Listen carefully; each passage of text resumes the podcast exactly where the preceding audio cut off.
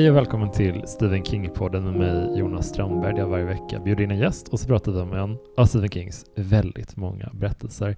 Och den här veckan har jag med mig en uh, gäst som är mycket, mycket bekant för trogna lyssnare. Sebastian Mattsson, välkommen tillbaka till Stephen King-podden. Uh, tjena Jonas, kul att uh, vara tillbaka. Ja, vi ska ju också livepodda upp podden firar 100 avsnitt om några veckor nu.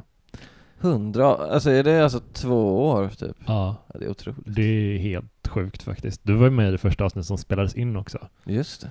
Ja. Om Colorado Kid. Och sen, sen dess har du varit med i många, många, många avsnitt. Ja, men jag har fått tunga böcker också, vilket känns oförtjänt, för det finns många som hade mycket bättre koll på King än vad jag hade. Men jag, i och för sig, jag tycker jag har arbetat upp en King-kompetens nu tack vare dig.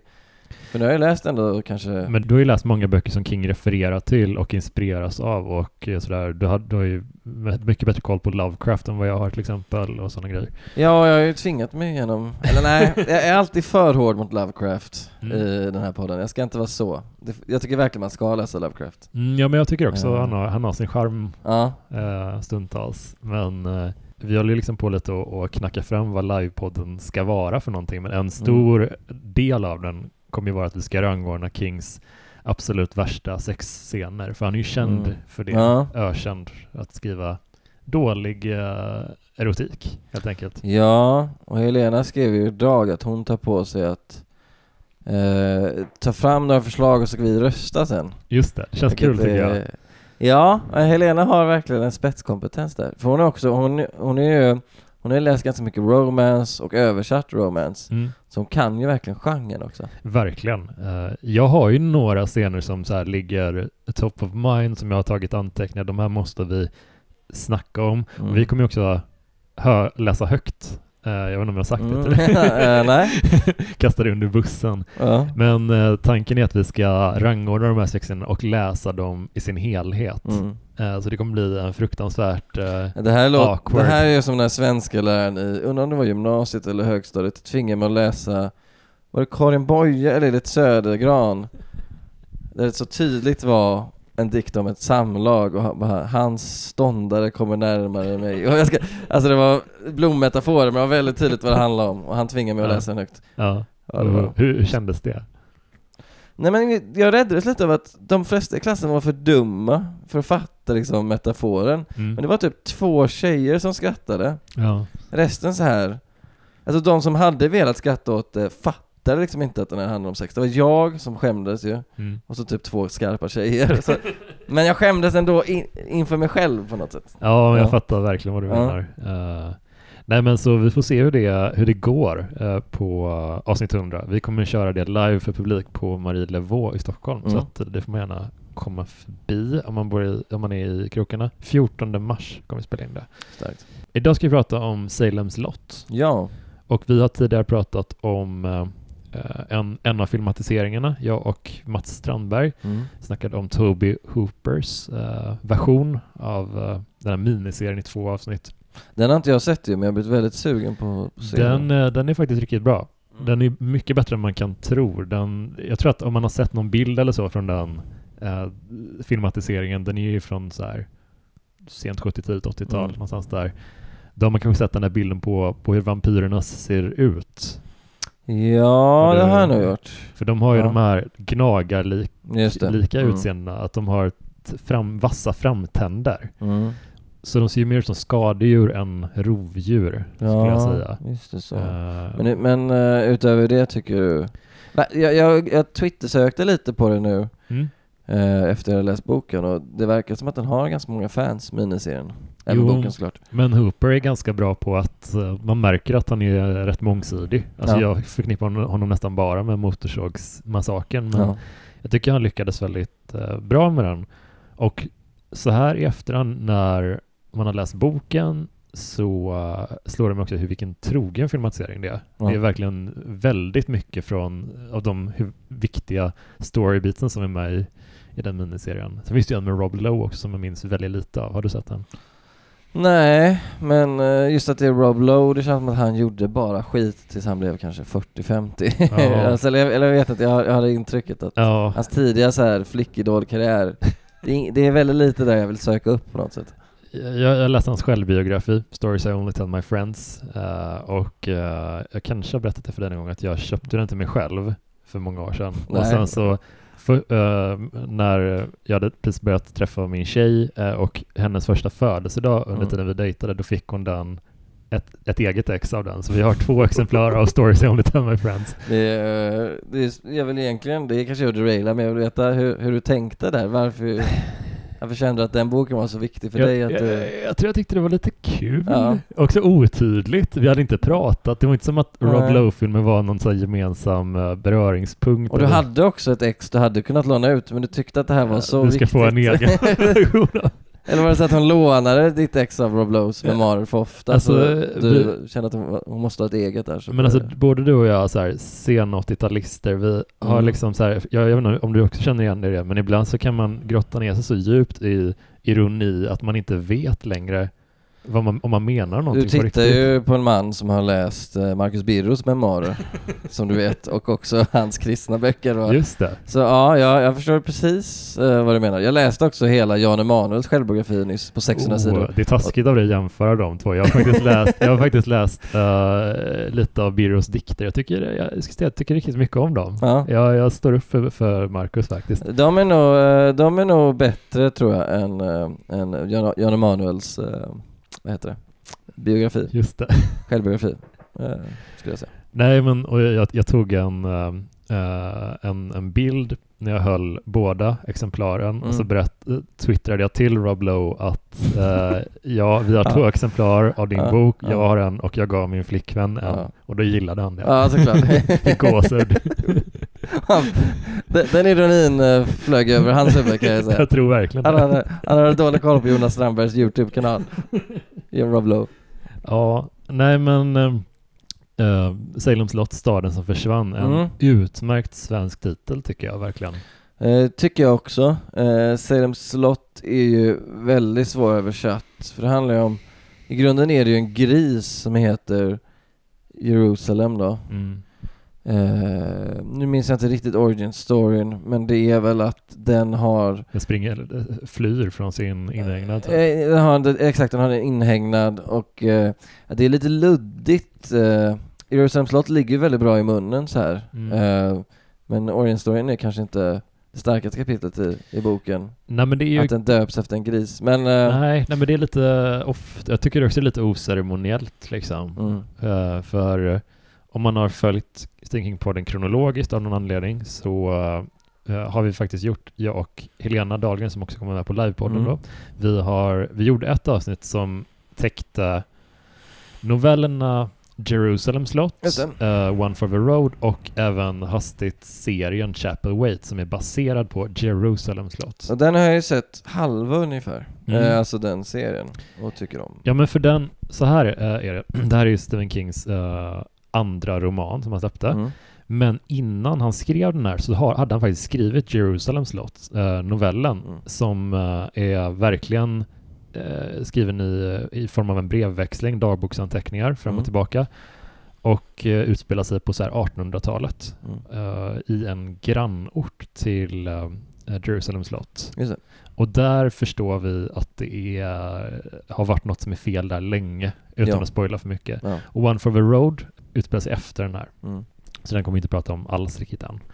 Nej, vi har kanske vissa frågor kanske om den. Ja. Vi får se. Uh, men jag måste börja med att säga att jag tror att det här är nog min, och det har ändå läst ganska många, men jag tror det här kommer två oh. efter uh, 11, 22, 63 mm. faktiskt på min all time king. Kul. Uh, speciellt andra, avslutande halvan som jag tyckte var riktigt, riktigt stark. Ja.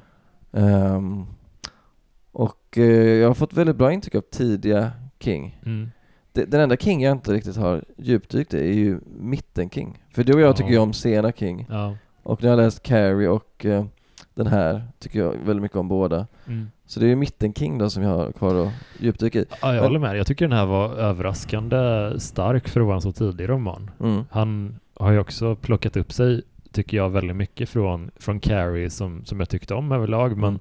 men som man märkte att det fanns en uh, valpighet, tycker jag, ibland ja. i, i sättet att föra framåt berättelsen. Att han fyllde ut den med de här tidningsutdragen och sådär. Ja, han gör ju lite så här också men mer sparsamt såklart. Ja, för här, den här handlar ju, om man inte har, mot förmodan inte har hört talas om den här så kan vi, vi kommer inte spoila eh, första delen av podden utan då, mm. vi kommer säga till tydligt när vi börjar spoila så man kan lyssna lite grann i början här också. Mm.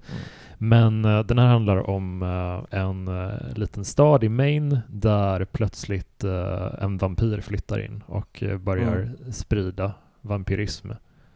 Ja, så är det och det är ju ganska spännande ju för att det sägs ju inte rätt ut, i alla fall de första skulle jag säga 150 sidorna. Mm. Men jag funderar på jag tror ändå att King räknade med att man skulle fatta att det är en vampyr det handlar om. Mm. För att redan, den här boken kom i 75, mm. redan då var ju, klyschorna är fel ord att använda för det är så nedvärderande, men byggstenarna i en vampyrberättelse mm. var nog ganska satta, alltså Dracula hade funnits jättelänge, mm. filmat, hade filmatiserats flera gånger, både den här, eh, vad heter den, Bela Lugosi-versionen och även, tror jag, mm. första Christopher Lee-filmen Det känns kommit, så. Tror jag. Ja. Så folk, folk kunde nog troperna och här används de ju ganska medvetet upplever det som att så här, okej okay, nu ska ni fatta jag, jag, tror han räknar med att vi fattar mer än vad stadsborna gör. Jag tror att, uh, jag, jag läste lite så ett, uh, lite av, av, Kings kollegor och sådär uh, om deras tankar om den här boken och mm. en person som uttalade sig var Peter Straub som mm. han också skrev Talismanen om Black House tillsammans med som nämnde att den King lyckas med Salems Lot ta en väldigt eh, inkörd, nästan slutkörd trope vid ja. det här laget och, och göra någonting nytt med den. Och det är intressant att få det liksom tidsperspektivet för att man vet inte, vampyren har ju gått upp och ner i mm. hur trött eller hur taggad Gud, man är ja. på Vi har ju levt igenom för 10, eller kanske ännu mer snart, 13-14 år sedan. Ja. När True Blood kom 2009-2010. Just det, och, och du, även ja. Twilight, Twilight. Typ samtidigt. Ja. Representerar två helt olika sidor nästan. Ja, exakt. Och då var det ju en, en, en, en vampyr-craze, mm. kortlivad, sen kom väl zombiesarna. Mm och dog väl också ut. Ja men Buffy byggde upp i sju år, uh, uh, fast det var ju inte en, en sån bred, utan jag tror att det, de öppnade dörren lite för mm. vampyrerna mm. och sen så kommer liksom uh, flera, alltså Vampire Diaries också, som Just är lite Twilight-aktigt sådär. Nej men det är intressant att se hur folk, för jag är ett jättestort fan av Dracula, originalromanen, mm. som trogna lyssnare har hört 110 gånger nu. Mm. och kan verkligen känna den kärleken i den här boken. Tycker verkligen ja. man märker att King också gör det. Jag gillar också att han inte snodde strukturen av den boken. Det gjorde han ju ja. lite i Jerusalem slott. Uh, det är en brevroman ju, och det är precis, Dracula också Just det, och det gör King inte här. Jag tycker om att han han inspireras av den, mm. men inte för mycket, utan han gör det ändå till sin story. Ja, för det han gör med den här, och det är väl det jag tror att han eh, när man pratar om honom och vad, vad han gjorde eh, som var liksom särpräglat King, vad han gjorde med skräckgenren, det är väl att han lite, vad ska man säga, demokratiserade att så här, tidigare var skräck förknippat med någon slags aristokratisk känsla. Alltså det var mycket så här Poe skriver om gamla grevar och liknande, eller de är i alla fall relativt, de kanske är fattiga men de är i alla fall adelsmän eller liknande. Mm. Men den här boken handlar ju till stor del bokstavligen om, och det är ingen fin term, men bokstavligen om trailer trash liksom. Mm, mm. Eh, och, och, och, samma sak med Carrie och, och följande böcker, att här får vi liksom se de här aristokratiska, gotiska stereotyperna fast med vanliga arbetare. Ja. Eh, och så är det verkligen här, i, den här, i den här boken.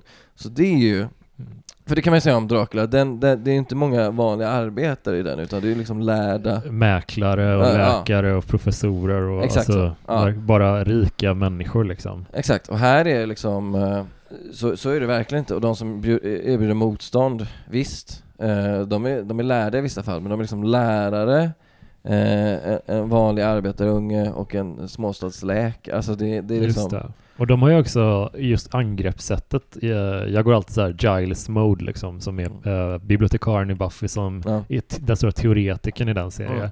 Ja. Uh, jag, jag, går alltid in i rollen som honom nästan när man läser en ny skildring av vampyrer mm. eller något monster så här, och att hur, hur skildrar de vampyrer här? Hur, ja.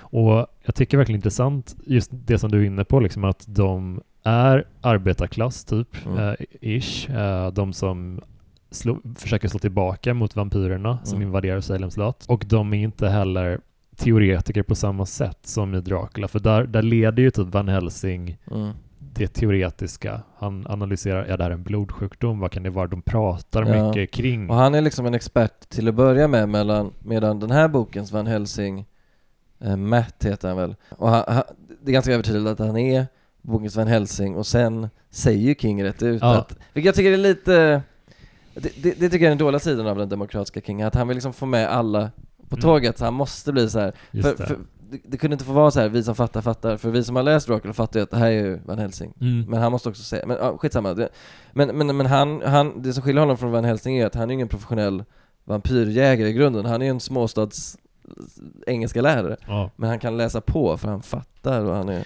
Ja, men det är ju väldigt snyggt och, och just att, eh, om, det, om man ska berätta lite om hur den är strukturerad den här Mm. mm. storyn så vi hoppar lite mellan de olika karaktärerna. Mm. Varje eh, kapitel är nämnt efter, e- efter oftast efter en av, Mm. av huvudpersonerna. Eh, eller så heter, det, heter kapitlen Salem slott 1, 2, 3 och så Mm. vidare. Och när de som heter Salem slott, där får vi liksom åka helikopter över hela staden och Mm. göra små nedslag hos diverse invånare. Eh, följa hur långt har den här smittan spridit sig, hur hanterar de som är kvar, eh, Mm. att anhöriga eller grannar eh, håller på bara försvinner utan Mm. en förklaring. Och den här strukturen tycker jag vill jag verkligen lyfta som en styrka. För Ja. det här lyckades han inte med när han skrev Törnrosor tillsammans med sin son Owen King, tycker Jag jag. har bara lyssnat på ert avsnitt. Ja, men jag tycker så... att strukturen är en stor skada, alltså det, den tar skada av det, Mm. tycker jag liksom. Eh, här, jättemånga år tidigare, så Mm. fixar han det galant. Ja. Eh, Men det är för att jag upplever att han har full kontroll över sitt persongalleri här. Eh, och att det är så pass många, alltså man kan ju kalla dem, vissa är ju liksom så här klyschor till viss del. Alltså vi har liksom pa, det- det- paret som fått barn när de är egentligen alldeles för unga.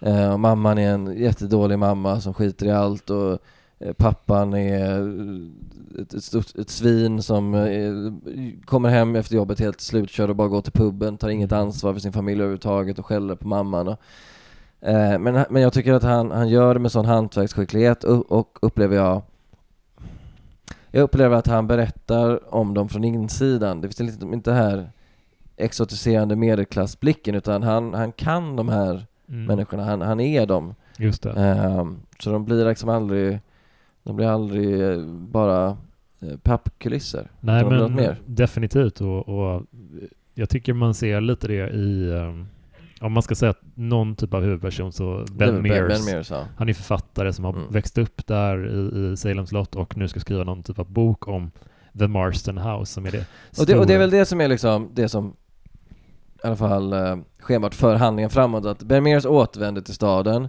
är lite av en utböling, Mm. är väldigt fascinerad av det här Marston-huset. Mm. Där han har varit med om något, för han, han bodde tidigare i Salem slott och har flyttat Mm. ut och blivit en halvlyckad författare, inte, Mm. inte megalyckad. Nej. Eh, men han har liksom aldrig kunnat släppa det här huset för att när han var liten eh, så lekte de i det huset och då fick han se den tidigare ägaren till huset, alltså, vad heter han? Hubert? Herbert? Hubie, Hu- ja. Hubie Mar- Marston. Han fick se Hubie Marstons ja, vålnad då får man anta, Mm. hänga från takbjälkarna i en, i en snara. Just det. Eh, och det har satt sig så djupt och präglat honom så djupt så han har återvänt och ska då skriva den här boken parallellt med att huset har fått en ny ägare då, Mm. en mystisk man vid namn Straker. Just det, som flyttar in dit tillsammans med sin kompanjon, Ja. ja. citationstecken Bar- Barlow. Barlow. Och de ska tillsammans, de här eh, nyinflyttade männen i någon sorts övre medelålder, ska öppna en antik eh, butik också. Exakt så. Och de lyckas, Straker är, det förstår vi snabbt, är inte en vampyr. Eh, för att han är ute i solljus utan problem. Vi ser inte Barlow på ganska lång tid Nej. heller. Så vi fattar att Stra- Straker är ju lite, ehm, jag försöker- komma på men eh, Dracula, och nu minns jag inte riktigt, han omvände väl Jonathan Harker till att bli någon slags medhjälpare? Han har ju Renfield. Eh, Renfield ja. eh, Som blir typ besatt av Dracula. Just det var det. lite länge sedan jag läste för att komma ihåg hela galerit. Men, ja men Renfield, fast Renfield var väl en lite skamfilad figur. Straker beskrivs ju som ganska stilig, han lyckas skärma ja. nästan byxorna av alla kvinnor.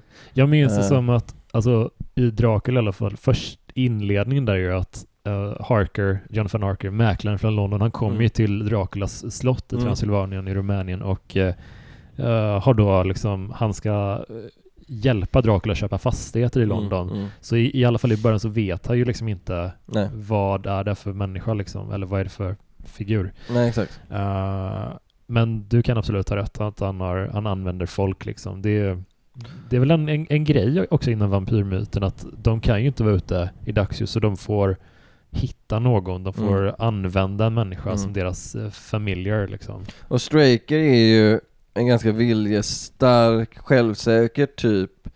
Eh, så tanken är väl att, det här tror jag inte är en spoiler, men att han har fått någon slags löfte från Barlow att ja, få bli en vampyr till slut och, och leva. Ja, det känns ju som eh, att han, han åtminstone har fått någonting, liksom ett löfte om mm, någonting. Mm, mm. Men jag tycker det är intressant att första, eh, ska vi säga, fjärdedelen kanske mm. av boken är ganska stillsam. Det puttrar mm. på lite, mm. vi lär känna invånarna och eh, sen kanske efter, jag vet inte, hundra sidor eller någonting. Någonting sånt där, då, då träffar vi helt plötsligt på en eh, storvuxen mobbare som är ja. en riktig eh, elak typ som bara, det berättas hur han, eh, han njuter av att känna marken skaka under hans fötter för att han är ja. så stor. Ja. Det är verkligen sån, alltså parodisk mobbare liksom. Ja, det här tyckte jag nog var bokens kanske svagaste parti, för jag, ja. jag tyckte det kändes som uh, Nej, 75 så klyschan kanske inte var lika, lika, lika etablerad men Kommer när vi läste Drömfångare? Det glömmer vi aldrig. Nej. Att det fanns liksom så, här, så också stereotypa mobbare. Eh, Och It hade väl lite samma sak men där kanske var lite mer människor men att Det känns som en sån King trop i alla fall för mig som har läst nu ganska mycket att okej, okay, ännu en mobbare som ska hålla på och så ska det visa sig att den, den goda killen överlistar honom och Jag tyckte det kändes lite enkelt. Sen, sen, gillar jag, för där introduceras ju, nu, nu förekommer jag det lite, men där introduceras mm. ju Mark Precis, Mark Petrie Som jag tycker är en underbar karaktär Jätterolig karaktär, uh, men det är en, den invändning jag hade kring den grejen, mm. liksom att vi det introduceras på en sida för den här jättestora mobbaren som, mm. som vi tänker att det ska vara ett stort hot och han trackar den glasögonbärande killen mm. Mark liksom mm. och kallar honom bög och sådana grejer. Mm. Uh, den förhatliga glasögonbögen. Är det översättningen på svenska? Ja, han tänker det om honom. ja, fan det. Vad sofistikerad han Ja, jag började direkt kalla min dotter för det. det sitter så bra. Nej men ja. alltså, det enda jag känner att där, här, på något sätt så skvallrar det här för mig om att det är en tidig King. Mm. Uh, just att han kan inte hålla sig att, mm. vi ska, att mobbaren ska få igen.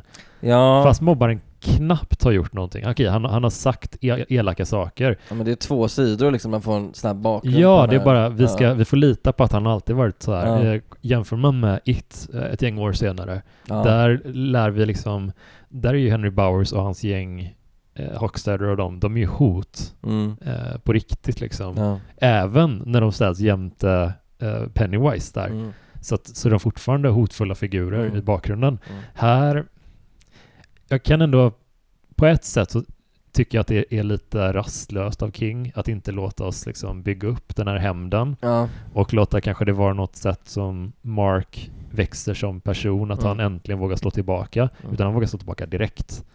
Han är en stark, ja. eh, handlingskraftig eh, kille. Ja, det, det kan jag för uppskatta för att jag tycker att han sticker ut där för oftast när unga pojkar eller unga tjejer ska ingå i sådana här, liksom så här hjältenarrativ mm. så blir man ofta frustrerad av att de verkar, de är så dåliga. Ja. Och medan Mark är typ den mest kompetenta av alla här, ja, ja. väldigt modig och eh, insiktsfull och, och också den som, jag tycker King beskriver väldigt fint att så här, det är så, det är så lätt för ett barn att köpa det här osannolika scenariot för att för barn är allt osannolikt. Mm. Medan de vuxna kämpar hela tiden med att nej det kan inte stämma, det kan ja. inte stämma, det kan inte vara vampyrer. För Mark, han inser det typ direkt, fattar att okej okay, det här är en vampyr. Ja. Vilket är en sån fördel för honom, för han, han, han lever fortfarande i en, en halvförtrollad värld och, och då kan förtrollade saker hända. Medan till exempel Susan då som är får sägas vara den kvinnliga huvudpersonen, mm. hon tvivlar ju in absurdum på att det här faktiskt är vampyrer. Ja, uh, jag kan vilket inte... Vilket det hade man själv gjort också just klart. Ja, ja. men alltså... Men jag vet inte, jag tänker att också den, den fighten med den här tjocka mobbaren, eller mm. stora mobbaren, jag vet inte om han är tjock eller om han bara är stor. Uh, Big Bone skulle jag säga. Ja, typ. Men, men på ett sätt så är det också en styrka för att det har varit en ganska långsam berättelse. Nu händer mm. det någonting som, alltså man får en liten pulshöjning ja. av den här fighten och han är ganska han förnedrar honom nästan lite för mycket, upplever jag. Kanske. Ja, jag ja. håller med. Det, men det finns något så här jag vet inte, det, det kändes som man flyttades ur den här ganska så här jordnära, men ändå spännande berättelsen till någon slags så här pang i plugget, liksom så här, ja. nu, nu, nu äntligen får den här mobbaren vara, mobbaren får vara en symbol för alla världens mobbare och glasögonormar får vara en symbol för all världens glasögonormar och så ger han igen liksom. Och så ska ja, alla som läser böckerna, liksom, som läser boken sitta och knyta näven och bara nej. Ja men alltså jag, jag tycker på ett sätt att det, man känner igen den här unga King i, i det och i sättet som Ben Mears pratar om sitt författarskap, känner jag. Mm.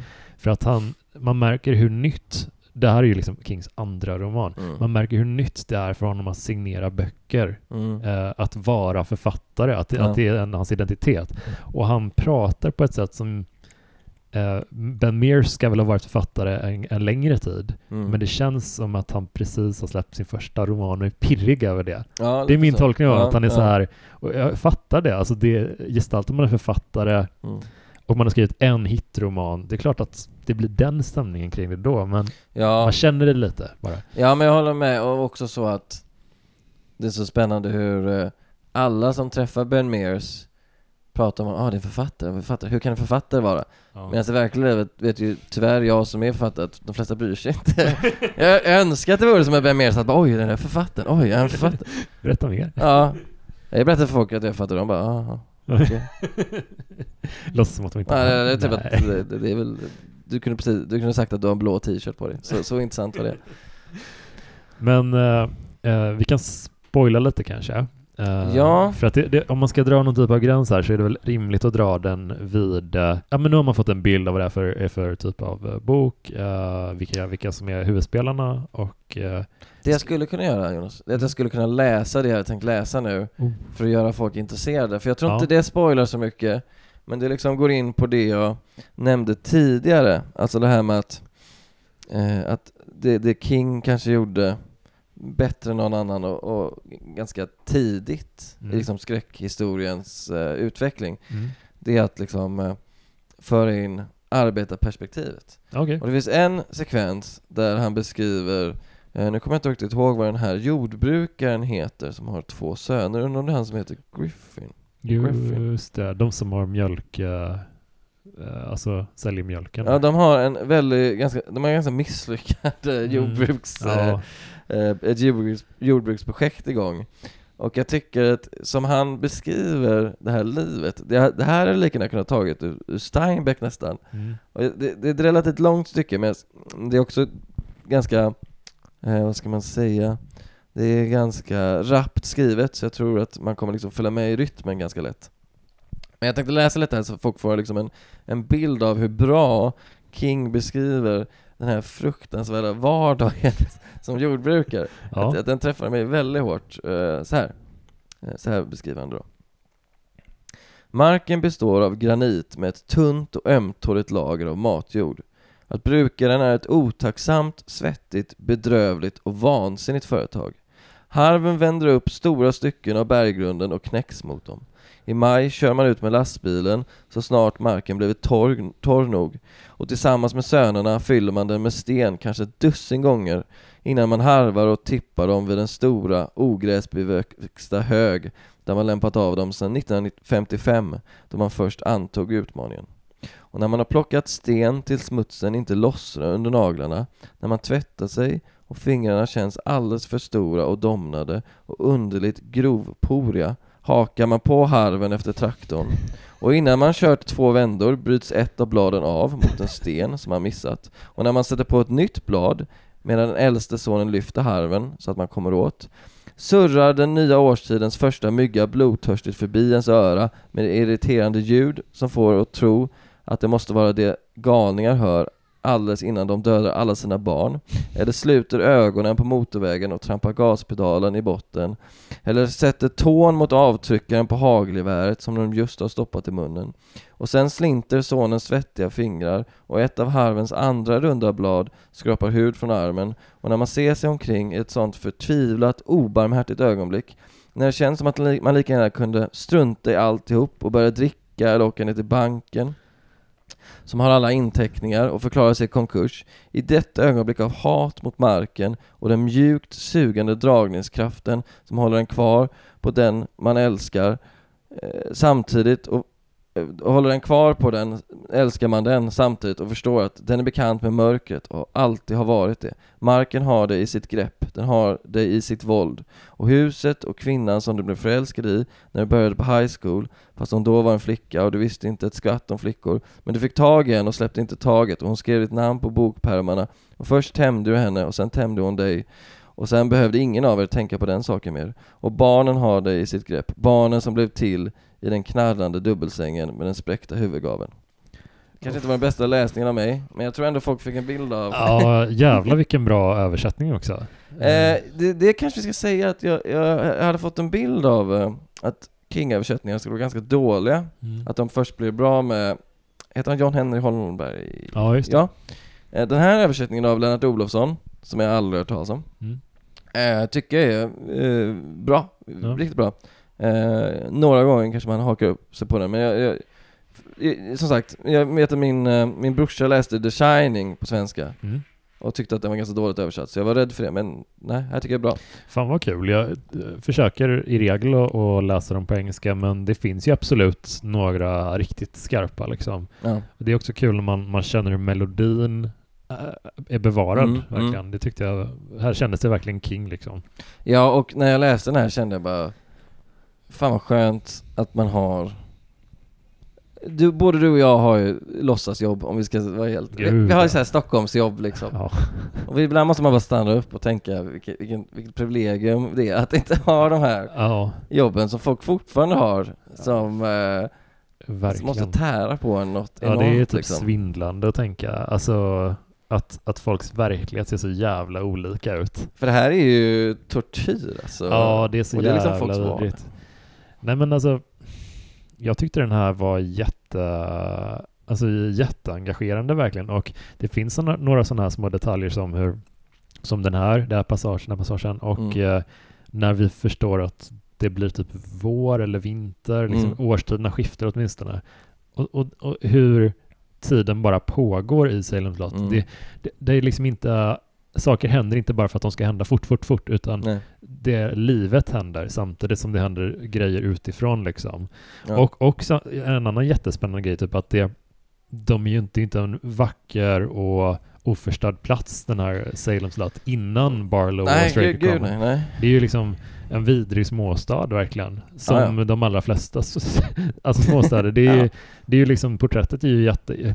Jag kan känna kanske i och för sig ett litet släktskap i det, mm. men jag kan känna ett litet småstadsförakt hos King ja, kanske. Det, det kanske jag inte riktigt upplever att man märker av så mycket i senare böcker. Jag tror det också, ja, men det är också ett förakt skrivet utifrån någon som upplevt det. Ja. Och eh, avskyd, jag, jag tycker den avskyn är bättre än den avskyn som kommer utan, utifrån om du förstår vad jag menar. Ja, för folk uh. kan, kan ha lite för mycket sådär ibland eh, förlåtande inställning mot sin hemort. Att, mm. eh, det tycker jag är lite märkligt att man, så här, man kanske växer upp i en liten ort och så flyttar man till en stad mm. och eh, om man jobbar med något kreativt och all, nästan alla som jag liksom känner eller känner till har kommit till en punkt där de har blivit så lite förlåtande och lite kärleksfulla mot sin hemort. Ja. Och jag kan inte riktigt, då, då tycker inte jag att då vet du, då minns du inte hur det var att växa upp där. Om, om du helt plötsligt kommer till den inställningen att Ja, jag, jag älskar min hemort liksom. Jag, jag är 35 och jag har fortfarande ett jättekluvet förhållande till där jag kommer ifrån. Ja, samma här. Tycker det är jättebesvärligt liksom och det, det, är klart att det finns grejer som är trevliga med både hos mina föräldrar och min familj som bor kvar i trakterna men, ja. men jag, jag minns ju fortfarande precis hur det var att, att bo där och jag tror inte man ska glömma det för då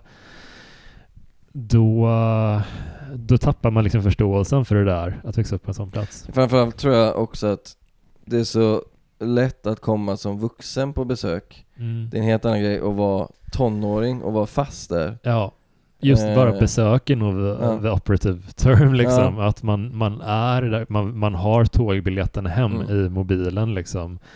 Man har en telefon. Mm. Ja. um, och man är bara där som en gäst liksom. Ja men det, och det, det, det som är intressant med den här boken då, är ju att som du säger att många av de här människorna har ju skitliv redan innan vampyren kommer. Mm. Det är nästan som att Ja men när här, den här bonden blir vampyr, han slipper i alla fall jobba liksom. Hans, ja. hans, hans existens som vampyr kanske är bättre. kanske. För det, det, det, och det är också en King-grej att liksom, det är inte så att så här, han beskriver hur en idyll blir söndertrasad av något externt hot, utan här är det mer så här, ja, eh, det, fin det, det, finns ganska mycket misär redan till att börja med. Ja. Eh, visst, vissas liv blev såklart förstörda av vampyren och så, och de allra flesta, de gör ju motstånd liksom, så de kanske inte vill dö. Mm. Men eh, kollar, man, kollar man sig omkring så många av dem är ganska eh, dåliga liv till att börja med. ja. Men det finns mycket jag vill prata om i den här boken, jag kommer på mer och mer. Ja, vi måste prata ganska länge om Fader Callahan känner jag, det, det är en jävligt göra. spännande figur. Uh, han har vi inte ens nämnt. Det har vi inte gjort. Uh, jag har också en, en, grej som jag tänkte jättemycket på och här måste vi dra en spoilergräns. Uh. Så uh, har du inte läst den här boken och funderar på att göra det, det pausa det här och så läs boken så kommer tillbaka sen för mm. att vi, vi kommer spoila lite nu. Mm. Det finns en passage där som är innan Fader Callan introduceras tror jag. Mm. Och det är när Straker, tror jag, offrar en av Glick-pojkarna tror jag. Ja till, på en kyrkogård. Mm. Han har någon typ av sataniskt mässande typ. Mm. Och det här tycker jag, jag fick googla mig lite fram till mm. teorier kring det här och för jag tycker inte det framkom riktigt vad, vad han gjorde där egentligen. Vad, vad var din tolkning av det? Innan jag börjar kasta in mina teorier när jag hittade på internet. Uh, min tolkning där och då var väl att det var till Barlow. Mm. Men sen undrar jag om inte det nu minns jag inte men det inte antyds att han offrar till någonting högre än Barlow. Mm. Vilket också finns antytt i tv-serien Chapelway tror jag. Ja. Eh, om jag minns rätt. Nu nämner inte de den här specifika händelsen för den utspelar sig ju flera hundra år innan, men att det finns någonting annat. Och jag, för jag tror, det nämns ju att Straker gjorde någonting eh, just för att blidka Barlow, men att det finns något kanske lite djupare där, att ja, närma sig ett större mörker. Men vad, ja, vad men Jag läste någon teori om att det, det är för att um, Straker ska förbereda platsen för Barlows uh, ankomst liksom. Mm. Och det kan ju mycket väl vara så, men jag tycker att det inte var helt tydligt. Men, men det gör ingenting. Alltså det är inte Nej. kritik. Jag tycker det är otroligt stämningsfullt och ja. jävligt obehagligt. Och det känns överlag som att, hade du läst Jerusalem slott? Du har inte... Nej, jag har inte läst den. För den tycker jag, när man, när man har läst den och om man vet att King mm. skrev den innan här, mm. det känns som att han, han, han har så mycket bakgrundskoll på den här platsen mm. som man bara känner det, att han, den är så bekant och det känns som att den har stått där i så många, många år och ja. varit en pisshåla i evigheter liksom, av olika skäl.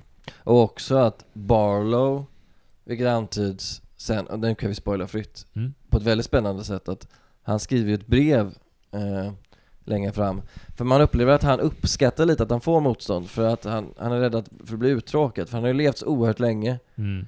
Eh, jag tror han till och med skriver att han liksom Ja, katolska kyrkan eh, har varit en fiende i många år, men ni är ju barn jämfört med mig, för han har funnits mycket längre än katolska kyrkan. Ja, han beskriver att han, eh, romartiden tror jag. Ja, exakt, alltså ännu längre bak tror jag. Alltså, så här, han har ju funnits otroligt länge. Ja. Och det är det som är så kul också med att, det tycker jag är så fint, att, att de säger på något sätt, något ställe så här att vad har vi för chans att slå den här killen? Fattar inte ni att folk har ju försökt besegra honom i tusentals år och inte lyckats. Mm. Och Ben säger något stil, men vi måste försöka. Mm. Och det tycker jag också sammanfattar Kings ljusare syn på människan på något sätt. Ja. Det här. Och, och, det är det som skiljer honom då från Lovecraft, för Lovecraft blir man ju bara galen och ger upp. Men det är så King tidigt där, att man ja. märker det. Det är otroligt häftigt att se den här inte kanske hoppfullheten, men ändå någon, någon, någon vilja att försöka, att anstränga sig. Att motståndet sig. har ett egenvärde. Ja. Att, att, att, att, att kampen har ett egenvärde. Mm. Ben och de är absolut inte övertygade om att de ska vinna. Nej. Men de kämpar ändå, och det tycker jag är och det tycker jag inte är sockersött utan det är bara mm. jävligt fint alltså. Det är, att, ja, det, ja, det finns något sånt rockaktigt i det. Att, så här, det spelar ingen roll om du mm. förlorar på poäng, det viktigaste är att du kämpar. Nej, men och det tycker jag man märker också i, i introduktionen av, eller liksom lite senare, men Father Callahan som karaktär. Han är mm. ju präst i, i Salems lot. Mm. Och uh, man märker tidigt att han inte är en klassisk bokstavstroende präst. Liksom. Han har Nej. sina tvivel, han har sina issues och grejer. Gillar det jättemycket, jag tycker det är jättespännande porträtt av en präst. Jag tycker också, han är, han, det är väldigt svårt att veta vad han, man ska tycka om honom för att jag upplever att det är han jag både sympatiserar och sympatiserar inte med hans filosofi för att det han saknar då, det är en, det är en riktig ondska mm. att få mm. tampas med. Ja, han längtar efter att få Ja Ja. Men samtidigt så här, så mot, det han motsätter sig är att så här, kyrkan är involverad i sociala frågor. Så han är också lite av en sån störig typ som tycker att så här, mm. Nej, kyrkan får inte bli för politisk och, och faktiskt göra skillnad och bryta mot sociala orättvisor. Ja, utan... han har liksom inte vågat bestämma sig för någonting. Nej. Han är en sån där uh, gymnasiefilosof lite. Ja, lite så. Att han så här, tänk, väger för och nackdelar mot varandra hela tiden mm. och aldrig tar ställning åt någonting och aldrig väljer. Och hela sitter och super. Det är den fege ja, människans väg ut liksom. Verkligen. Och han, um. det finns ju en scen som görs, eh, tycker jag, bra i, i Hooper-filmatiseringen, mm. där han konfronteras med Barlow. Mm. Och jag tycker den är, ja men den, den kastar omkull allting vi tänkte, eller liksom i alla fall jag som läsare tänkte att mm. man tänker att prästen som mm. har lite okonventionella metoder, han kommer vara den som leder kampen mm. mot det här yttre hotet.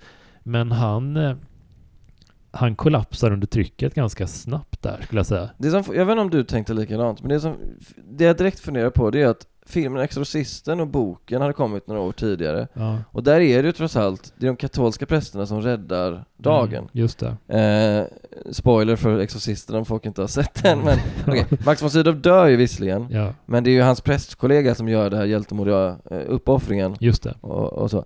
Här är det ju tvärtom att Fader Callahan svik, alltså den traditionella religionen sviker, flyr och det de sekulära som liksom får plocka upp och, och, och, ja. och jag, jag, upplever det som att det är någon kritik, även om Fader Callahan är lite, ganska sympatiskt beskriven så upplever jag det som att det finns en kritik mot den organiserade religionen från King, att mm. det är inte den som kommer rädda er liksom. Det är den mm. mänskliga gemenskapen. Ja men verkligen, och här det är en, en lite ytlig analys kanske, men jag, jag fick lite en sån spegelscen-känsla när Barlow då tvingar uh, Callahan att dricka hans mm, blod. Mm. Uh, den förnedringen han ja, utsatt Det är en hemsk scen att läsa, för den, den är, är, så förnedrande alltså. Otroligt förnedrande och smutsig, ja. och det är verkligen så här. Men ja, då tänkte jag på den där tidiga scenen med uh, Mark, där han förnedrar liksom, mm. att det där att ha kapacitet att göra någonting med människor mm. och vad man då väljer, hur man väljer att just använda den mm. och portionera ut den styrkan. Det säger ändå något, jag tycker ändå att det, det gör, kanske inte medvetet eller frivilligt, men det gör ju Mark till en ganska intressant karaktär ja. när man har sett vad Barlow gör mm. med sina motståndare. Ja, exakt. Eh, för Mark, om han någonstans njuter av förnedringen så gör han ju någon slags gott syfte. Mm. Sen, det här är inte min liksom förutseende boken eller din, det har jag varit inne på, men mm. det finns ett helt annat, tortyren har, fyller ju olika... Ja men han gör ju det i försvar. Ja. Uh, det gör ju i och för sig kanske Barlow också. Ja, det kan man ju argumentera. Man, uh, men jag vet men inte. Hade, i och för sig, han hade ju inte så låtit dem vara i fred om, om de inte hade gjort något, utan hans plan är ju liksom att... Ja, men verkligen, han förväntar sig inte motstånd riktigt som du var inne på, men, men han bjuds det och... Uh, jag är typ lite glad över upplevelsen. Han tycker det, han tycker det är kul ja. att äntligen, äntligen händer, det händer någonting liksom. det kan alla som växer upp i en småstad relatera till. Ja, exakt, man behöver inte vara vampyr. Nej. Men det finns väl också något så här, det är också ett klassiskt tema att om man lever för evigt, att man lätt blir uttråkad. Ja. Att det är lite kul för Barlow att shit, nu möter jag några som faktiskt Ja. Det gillar nog han, Matt, Matt Burke också, läraren då. Just det. Som är den som, är liksom den uh, intellektet i gruppen. Han är Van Helsing liksom. Han gör inte så mycket men han bjuder han, han, han, samlar på sig så mycket teoretisk kunskap att han blir helt livsnödvändig för dem. Liksom. Ja. Alltså, uh. men, men jag tycker det är spännande hur Callahan efter det här försvinner ur bilden.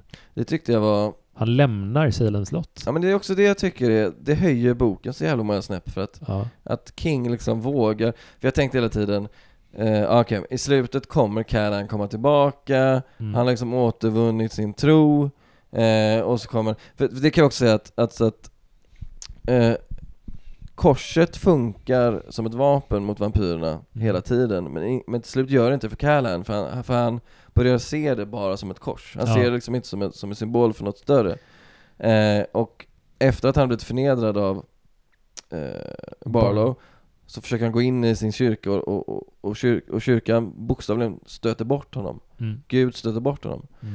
Och då är ju tanken så här, då tänker jag okej okay, men då blir det någon slags så här redemption-saga för honom, att han återfinner sin tro, kommer mm. tillbaka och hjälper dem. Mm. Men han gör det inte.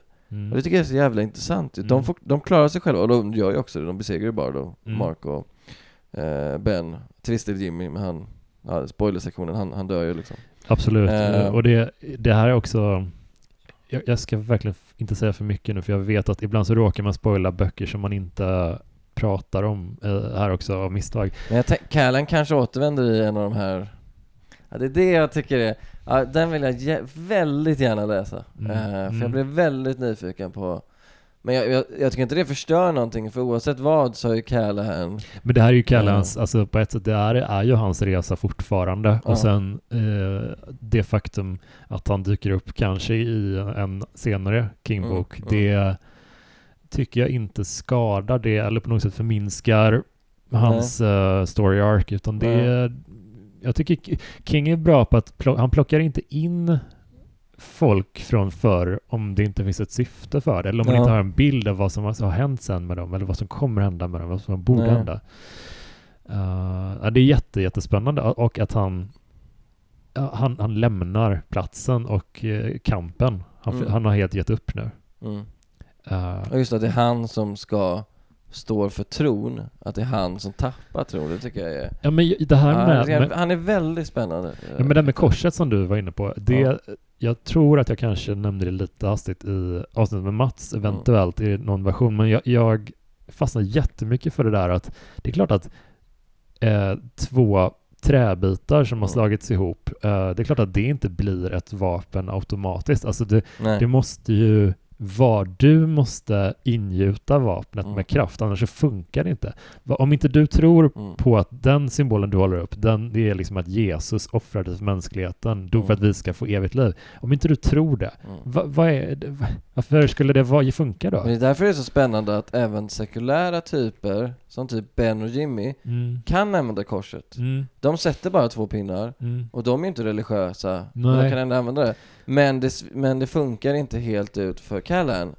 Det tycker jag är så spännande, för vad är det då som gör för att om två icke-troende kan använda det utan mm. problem, vad är det då som gör att en troende inte kan använda det? Jag det tror, är... Eh, alltså jag tror liksom att han, Callan, är för inne i ja. det här systematiska, alltså den organiserade religionen mm. och hur att han är en representant för en, en kyrka. Ja. Eh, Medan de är, precis som ganska många människor på olika sätt när man, mm. utsätta, man är väldigt rädd, mm. att man får panik och mm. man vänder sig till någonting annat då. Liksom. Exakt, det blir inte så teoretiskt för dem som det blir Nej, för de har liksom inte så här, de försöker inte komma ihåg, eller det gör de lite kanske, men mm. det, det, är inte viktigt för dem att komma ihåg bibelcitat på samma sätt eller referera Nej. till the scripture, utan de bara de behöver hjälp. Eh, och det blir en sån ja. ren lina till någon Exakt. gud för dem liksom. Och det kanske är det också, när den här renheten, det kanske är det som är Kings, för jag upplever inte King som antireligion, men han kanske har en bild av det här, på ett sätt kanske han är lite protestantisk, lite luthersk, att mm. så här,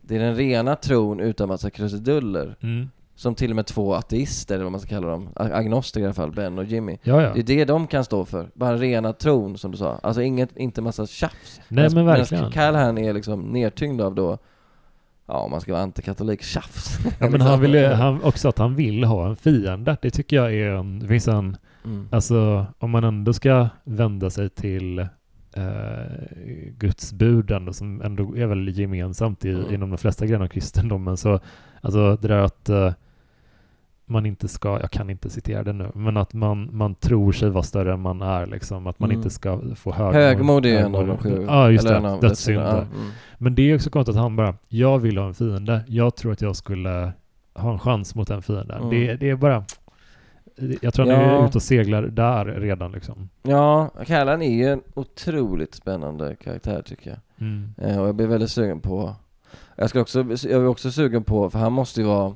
hade jag varit skådis och de skulle göra Salem slott så Callan skulle jag verkligen vilja spela känner jag. Ja, gud ja. Han är så komplex och intressant och James Cromwell spelar ju honom i uh, Rob Lowe-versionen och James, ja, gud, jag, tycker han, jag tycker han är bra i den faktiskt. Ja, James Cromwell gillar jag ju mycket så han, mm. ja gud vad spännande. Jag, jag, jag tänker mig att, ja, det finns många jag skulle kunna casta som, som honom nu liksom. Har du någon drömperson som bara den... Nej men nu slog de Philip Seymour Hoffman, kan ett jättebra jobb honom. Ja, gud ja. Uh, tyvärr avliden nu såklart. Ja. Men... Uh, Verkligen, det Vad mer skulle man ha? Jag tror Josh Brolin har gjort helt okej. Okay. Ja. Jag har sett honom i den här um, Open Range nu. Uh, heter den så? Nej, inte Open Range, vad heter den? Just det. Ja, Just det, med det här ja. hålet ute ja. ingenstans. Uh, nej, men, uh, ja, många skulle kunna spela den. Vi får ju se om, om den uh, färdiginspelade filmen överhuvudtaget mm. släpps mm. någon gång. Men, um, den här nya trenden att de bara kälvar saker. Alltså vad ja, fan är det? är det? jävla slappt. Det är så det, trist ja, Sen så, så här, jag, jag kan tänka mig att det är en, en film eller en, en story som går att och omtolka och lägga tonvikt på lite mm. olika saker liksom. Men, men det, det är så intressant att som sen i slutet av boken så lyckas de ju besegra Barlow mm. eh, på det klassiska sättet att de hamrar en träpåle genom hjärtat liksom. Ja, och så är det väldigt intressant också att Ben då eh, under he- han liksom blir aldrig en hjäl arketypisk hjälte under det där utan han är ganska rädd mm. och det är inte så mycket triumf när han väl lyckas döda Barlow utan det är liksom nästan en ren panik han bara ja. gör det. Det finns någon liten sån här gnista av vilja som Ja men det är möda verkligen. Ja. Det, och det, det är heller inte den här triumfen som jag upplevde i, Dracula, mm. slutscenen där när de rider i kapp. Alltså Dracula är på väg, eh, han, han är som droska på väg mm. upp till sitt slott mm. för att gömma sig igen och det mm. är eh, sol, solen är fortfarande kvar på grund av mm. det uppgång eller nedgång, whatever. Men de rider i kapp, Jonathan mm. Harker, Quincy Morris och gänget, mm. de rider i kapp honom. Mm. Eh, sliter upp kistlocket och mm. Eh, stöter träpålen genom hjärtat. Det är ju en rafflande typ en western-scen nästan. Det är ju ja. jättespännande. Ja. Här är det mer, det här behöver vi göra för att bli av med problemet. Ja, och det är väl också kanske också för Bram Stokers Dracula upplever väl som en väldigt pro-religiös bok, att det verkligen är, det är Gud som griper in och hjälper dem. Ja. I, I Kings fall så är det ju mer, ja, den här sköldpaddan från från It, alltså det finns någon så här, och också, i It pratar han ju också om någon så här god kraft som finns bortom sköldpaddan, att det finns någon så här inte, in, in, inte, inte en kristen gud, men något slags god kraft. Mm. Eh, på samma sätt som det finns en, en likgiltig kraft ja. i Lovecraft så finns det en, och det måste vi bara nämna här, vilket chockar mig, för jag har då eh, den här versionen av, av, av Salem slott som jag har, den svenska versionen, mm. där står det så här på baksidan, och den är alltså från 1985. Inte sedan H.P. Lovecraft har heller någon lyckats fånga de alldeles speciella stämningar som råder i New England med de rötter i uråldrig europeisk vidskepelse som denna del av USA har. Och då tänkte jag, fan gick det att sälja böcker på Lovecraft 1985 i Sverige? Var han så stor? Det chockade mig. Jag tänkte ja. så här, 85 visste väl ingen svensk, jag kanske är dåligt påläst, Nej. jag tänkte 85 visste ingen svensk om Lovecraft var. Men han var tydligen hot stuff redan då. Ja. Jag, jag, blev ganska imponerad av Sverige. Kul, ja, ja, verkligen. Hänger med. ja, det är så här. Nej, men, kanske var det rollspelet Call of Cthulhu som hade liksom det, ja, men det, gjort honom till... Ja, det fan, fan vad kul. Ja, jag, jag blev stolt. 85 visste folk. Men alltså de, våra hjältar, de flyr ju efter att de avrättat mm. Uh, Barlow och mm. uh, finns fortfarande vampyrer kvar i Salem, men de tänker vi kan inte liksom mm. göra det. Vi, vi dödade ledaren, vi, vi mm. sticker nu med livet i behåll. Och det är då Mark och Ben och jag upplever att prologen när de bara är mannen och pojken, mm. jag vet inte, jag fick verkligen Cormac McCarthy-vibbar. Ja. Och jag vet att King beundrar honom. Sen vet jag inte, 1975, då var Cormac McCarthy kanske inte så etablerad, så jag, jag vet, den parallellen kanske inte håller, men jag kände i alla fall det är klädsamt det att använda det, att vara så hemlighetsfull tycker jag där. Att man tänker, ja. det, de skriver bara som, som man och pojke, det skulle kunna vara liksom och Det är ju väldigt Cormac McCarthy att, att, att, prata om dem som nästan arketyper. Liksom. Ja, ja, jätte, uh, jag tycker det är väldigt snyggt. Ja men verkligen. Uh, För de gömmer ju sig, eller de har flytt till Mexiko typ. Mm. Och följer nyhetsrapporteringen från området liksom. Mm. Och till slut så har de märkt att det, det börjar ske ganska mycket skumma grejer ut mm. kring Salem slott mm. så vi, vi måste, måste, tillbaka. Vi måste tillbaka en, gång, en sista gång. Mm. Och då gör de det och de uh, bränner ner staden. Ja, och då refererar de ju till en annan eldsvåda som härjade i staden på 50-talet men mm. som då stoppades. Mm. Eh, den här gången låter de den hända. Vilket också gör den svenska titeln på boken så dubbeltydig för att staden som försvann Alltså i början av boken så refereras det till att staden är en spökstad. Just det. Och då tänker man att det är det staden som försvann. Men här är också, de bränner ju ner staden. Ja. Då får titeln en, en, ännu en innebörd att efter det här finns inga Salem slott längre för de, de, de Nej men alltså. King älskar ju de här uh, typ platserna, skeendena, alltså typ Mary Celeste, uh, skeppet som mm. uh, besättningen försvann. Just det. det, mm. det namedroppas i alltså så många olika King-berättelser. Eh, Även den här um, Roanoke-kolonin, det. det. är en klassiker också. Mm. En, en koloni vars invånare bara försvann mm. helt plötsligt utan mm. några riktiga spår. Um, jag tror att han har tänker mycket på det och jag förstår det. Det är ett olöst mysterium. Folk har försökt att nysta de där händelserna liksom och försöka ja. hitta teorier. Det finns ju teorier men det finns inga svar för det går ju inte att Nej. visa på det. Nej, inte på något som är, hur gammal är Roanoke? 1700 1600 Ja, typ. Ja, det är, ja, det är ju typ ett drömresmål för mig att åka dit någon gång och bara... Tillbaka i tiden? ja, men alltså för att det hade varit så coolt att besöka den platsen på något sätt och se... Stephen King-podden som försvann. Och så kommer jag och Helena måste leta, leta efter dig och hittar inga spår. Det var ristat in något mystiskt ord i ett träd på latin. Relin? Ja. Var det Gunnar Relin som låg bakom det hela tiden? Kung Gunnar. Uh, nej, jag tänker inte att träda så. Otroligt märkligt. Fan vad, fan vad nice. Uh, nej, och, och, och det, det, det, är ju, det är otroligt spännande koncept. Och så nu, nu är det liksom så här många spökstäder i USA nu kom ju efter finanskrisen, finanskrisen 2008 så att det finns mm. ju liksom så här om du har sett filmen Nomadland mm. så besöker hon ju en spökstad där. Mm. Och där finns det där finns inget övernaturligt utan det är en krass ekonomisk verklighet att de bara lämnar staden för att typ något ja, fabrik läggs ner och det finns ingen anledning att Alltså min, min farmors uh, alltså hemstad där hon växte upp liksom för sina första år i alla fall, en stad som heter Gary i Indiana. Mm. Det är en sån riktig gammal stålstad uh, mm. liksom. Men uh, sen låg den tillräckligt nära, tror jag, Chicago kanske, mm. eller något sånt där, uh, för att Chicago ska stjäla allting. Liksom. Ja. Och så avbefolkas staden och de får in mindre skatt. Så då går all skatt till att uh, hålla fasaderna i gott skick så det inte ska se ut som att staden håller på att förfalla. Så de trampar vatten liksom. Och det är ingen som vill bo där, så husen står tomma. Alltså, det är ingen inflyttning liksom. Nej, alltså hoppet är ju inte ute exakt för staden, mm. men det är ju verkligen, det ser ju inte ljust ut liksom. Det mm. finns ju inget, uh, inga förhoppningar riktigt uh, att om ingen gör någonting så kommer det... Om inte en Barlow kommer, en entreprenör. Ja.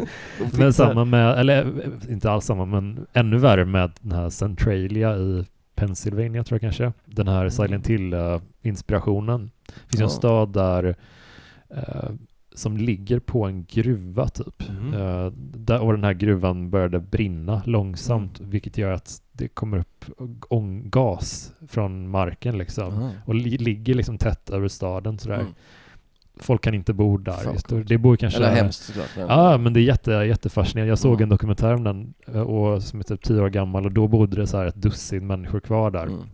Ja, de har inget postnummer längre. Posten levererar inte. Uh, och det var en kille i 20-årsåldern som var den yngsta och han åkte alltid runt varje december och hängde upp julpynt över hela staden. Det här är, det är ju som hämtat ur King. Ja, det är ju otroligt verkligen. Så att jag förstår ju att det ligger nära det här um, övergivna, ödelagda liksom, de här platserna. Ja. Uh, det är ju någonting man verkligen kan fascineras över. Ja. Men um, Fan, det känns som att det här problemet med den här boken är som att vi har liksom inte Det är mycket grejer som är som vi inte ens har nämnt Men det är så svårt Susan har vi knappt Nej vi har näm knappt nämnt Susan och den här kärlekshistorien Och jag tror väl att Helena eventuellt kommer För jag vet att hon har lite blandade åsikter om, om sexscenen i den här boken mm. Att hon eventuellt kommer nämna den ja. För det finns ju En scen där Ben tar väl Susan gör är hon oskuld förresten? Nej, kan hon inte vara. Nej, Nej det kan hon inte vara för hon är typ 24 ja. Men det finns ändå en scen hon nästan beter sig som en oskuld och bara make, make love to me, eller älska med mig säger hon Just det, och är det inte typ att de, de ligger och sen eh, jättekort därefter mm. vill hon att han ska hälsa på hennes föräldrar typ och äta middag hos dem Ja, alltså det är väldigt eh... det, det är en sån konstig typ av relation lite jag kan tycka att överlag är relationen helt okej okay skildrad Men absolut, det finns verkligen inslag som är jag hade önskat att hon hade fått ta lite mer plats i kampen mot vampyrerna för det är ju, alltså det är ja. roligare när det är flera olika typer av människor och hon, ja. hon blir ju vampyr äh, ganska tidigt. Det är ju lite som i, i Stoker också att äh, kvinnorna blir antingen i Stoker är det väl att, nu minns jag inte riktigt, men det finns ju två kvinnor av en blir vampyr ganska tidigt. Ja, Lucy blir vampyr. Lucy. Och så är det en som de mer eller mindre säger att du Eh, du ska hålla dig borta från den här kampen. Mm. Kvinnor har inte här att göra, fast de säger det på ett mer sympatiskt sätt. Just det. Men det är ändå liksom inte så. Det, det är ju starkt att eh, Ben tvingas döda Susan. Ja, det händer ju något med honom. Jag tycker han är ja. lite för, för mallig kanske mm. fram till dess. Och att det, det tar ner honom lite grann och gör honom till en lite mer vanlig person. Ja, och eh, det gör väl också något slags så här det här hämndmotivet mm. som både han och Mark bär på. Och det tycker jag också är en väldigt brutal och hemsk scen när Barlow dödar hans föräldrar genom att bara mm. krossa deras skallar. Mm. Men den absolut värsta scenen, och det är också så här, vi har pratat om det lite tidigare, i tidigare avsnitt, ibland eh, till exempel It, med den här, när barnet dödas med en hammare. Mm. Ibland så är King eh, han glömmer bort att han är mainstream-författare och bara slänger in typ det vidrigaste man kan tänka sig. Mm. Det finns en scen som är så otroligt hemsk, men den här då, vi nämnde den här tonårsmamman då, mm. Som har fått en bebis och är en väldigt dålig mamma, objektivt sett. Mm. Eh, även om man kan ha sympati för hennes situation. Det här barnet dör då. Mm. Eller antar jag blir en vampyr kanske, men har i alla fall inträtt i något dödsliknande tillstånd först. Mm. För de, de, förvandlingen sker ju inte som i vissa, att de blir liksom vampyrer direkt. Utan, Exakt. Eh, först framstår som döda liksom. Och då, det här barnet framstår som dött då, och hon försöker mata barnet med någon slags chokladkräm mm. Men det bara rinner rätt ur det. Och hon vägrar liksom. Alltså det är en väldigt, ah. väldigt mörk scen. Och har man barn så är det, det är en sån fruktansvärd scen för de försöker mata det här döda barnet. Nej, Och chokladen bara rinner ur. Och där tänker man Fan, jag, fick, jag kände respekt för King för han eh, Den här jag kan tänka mig att den här scenen är inte med i någon filmatisering för den, den går ju Nej, inte att visa liksom. Det, det finns vissa scener som liksom så här. Det är liksom en europeisk eh, exploitation-film från 70-talet. Ah. Då hade man kanske fått det, men ah. i en vanlig film går ju inte det här att visa nej, folk. Nej men det funkar ju inte liksom. För den är så otroligt mörk. Ah. Alltså, hon sitter och matar ett barnlik och liksom maten rinner Jag ser att du ryser nu. Ja, ah, den är, den är fruktansvärd. Det, det, barnen kastas ju också generellt rätt tidigt under bussen här. Alltså mm. det är ju de här glickpojkarna liksom. Ja. De är ju också så offer för, för omständigheterna. Ja. Det är ju vidrigt verkligen. Ja, han är, han är väldigt... Uh... Han är bra på, på liknelser tänkte jag på. Ja. Jag kan inte dra ett enda exempel sopigt nog uh, nu, men det, det, den, hela boken är ganska kryddad med liknelser. Mm, det, det känns som att han har han har inte riktigt bestämt sig för om man ska vara en skräckförfattare eller om man ska vara lite mer litterär kanske. Det är väl det jag tycker att man ser här och även i Carrie och i ganska många av hans böcker att fast kanske framförallt om tidigare då att han hade ju hela tiden planer på att bli Han är inte som en sån människa som så här vissa så här som i 42-årsåldern bestämmer sig att nu ska jag skriva deckare, mm. för jag tror jag kan tjäna pengar på det här. Utan det här är ju en kille som verkligen har velat bli författare ja. länge, pluggat det, läst, liksom, haft en fru som han har liksom också, som också varit eh, har författarambitioner, han skrev dikter liksom. Mm. Men sen upple- upp, upp, upptäcker han också att fan jag kan ju verkligen skriva medryckande spänningsromaner. Ja, och, jag, och den här jag... boken, det jag läste upp till exempel, det var ju liksom, det hade ju liksom inte Henrik Fexeus, eller vad fan han heter, skrivit, eller Läckberg. Nej. De hade bara, vad fan ska vi ha med en jävla scen om en harv som går sönder? Var, hur för den handlingen framåt? Ja, exakt. Men han, han är ju liksom, och det jag uppskattar med King, och det är därför jag också tror att han blev så sårad i början av att kritikerna inte gillade honom, för han upplevde väl att han hade liksom ett till ja, men lager. Det är ju en ton, tongångar som går igen nu lite grann i, i takt med True Detective-snacket mm. i vissa mediala kanaler. Men... Man kan ju äh, läsa äh, er kära Sebastian Mattsson som har skrivit om det på Gör det. Kultur. Där fick äh, Hilton framförallt kanske. det var ju han som betalade mig för att skriva texten. Var det? alltså, det var ju hans tidning, men ja. Ja, just det. Ja. Ja. ja det men äh, där fick han ändå. Ja, det var bra tycker jag. Ja. Uh, nej men jag tycker det är en jättespännande, man märker om någon sorts, vi ska börja runda av lite kanske. Ja. Det blir väldigt långt men det är en ganska lång bok. Ja, jag tycker det, visst, det finns så mycket att säga. Och jag hoppas det framgår att jag verkligen, verkligen gillar den här ja, boken. Ja, jag också. Jag, tycker verkligen man ska läsa den. Jag var jättepositivt överraskad av den. Ja. Uh, sådär. Och jag tycker liksom, man känner inte bara det att om man vet att han har skrivit Jerusalems låt specifikt innan den här och mm. han kan platsen i sitt huvud, han vet vad som har hänt där mm. och det speglas i, i texten verkligen. Det, det, tycker jag är generellt med King, att han, han har skrivit så mycket. Så han har allting i huvudet, även mm. det inte, som inte står på, på pappret. Liksom mm. det, han vet varför saker, vad som har hänt innan första kapitlet börjar. Uh, Men han är samtidigt inte tolken som hade liksom nästan lite för mycket lore Nej. och som dog ganska uppgiven över att han inte kunde få ner allt på papper för att han hade liksom hundra böcker till i huvudet liksom. Sin Marillon skulle bli 5000 sidor lång liksom. Nej, nej men äh, verkligen väl värt att, att läsa den här och särskilt kul för någon som äh, gill, kanske föredrar det lite senare King. Jag tycker den här är otroligt stark, verkligen. Jättebra vampyrroman. Ja, och, och låter inte avskräckas om ni tycker att ni kan vampyr, eh, liksom, äh, troperna. Nej. För, för det tycker jag att jag kan och det kan du också. Mm. Vi har ju sett sådana filmer till exempel. Mm. Och serier och så. Men det, det gör ingenting. Det Nej. går att läsa den här ändå. Utan problem. Verkligen. Ska vi säga så? Eh, ja, jag känner att jag, jag, jag, typ, man har ju hundra grejer till. Vi har ja. näst, inte nämnt den här underbara alkisen som kallas Vesslan i den här. Nej, just det. Eh, men det kanske blir någon annan gång, för att det, det, får inte heller bli ett för långt avsnitt. Men det här är verkligen... Eh, ja, för, jag, för, jag, har ju sett uh, det här Kingcast som har liksom så här avsnitt om later på 3 och 14. Alltså, det, kan jag tycka, det är sympatiskt men det är också såhär, vem, vem lyssnar på det? Ja det är lite väl kanske. Uh, men det är kul, uh, det är kul att prata, men man glömmer alltid någon, ibland så glömmer man en helt plotline. Uh, jag poddade nyligen med mm. Björn Karlsson, vi pratade om Wizard and Glass, den fjärde Dark mm. Tower. Mm. 100 på att vi glömde säkert fem plotlines i den. Ja. Det, finns, det finns väldigt många dock. Men det, det är ju så alltså, det är, helt, det är verkligen skillnad med plot, liksom podd om en film och, och podd om en, en roman på 500 sidor för att Alltså en film är ju så mindre rike kanske fler att säga, men det händer ju så mycket mindre i en film på 90 ja, minuter jämfört med en, en bok på Och det är också så här, jag tycker det ändå är ett, blir något intressant när man tvingas göra ett visst urval, mm. vad som ligger högst upp i huvudet då, mm. liksom, vad, vad man prioriterar. Men jag är glad att vi fick snacka om Fader Callahan en del, mm. för han han är ju på något sätt, han försvinner ju i storyn men det gör honom ännu mer intressant och, ja. ja. Jag, jag är väldigt sugen på att läsa den här novellen om honom. Ja, det, vi kan prata om det lite efter vi har stängt, mm. uh, stängt avsnittet. Mm.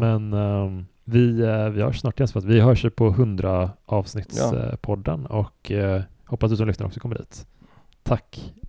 vi hörs om en vecka igen. Hej då. Hej då.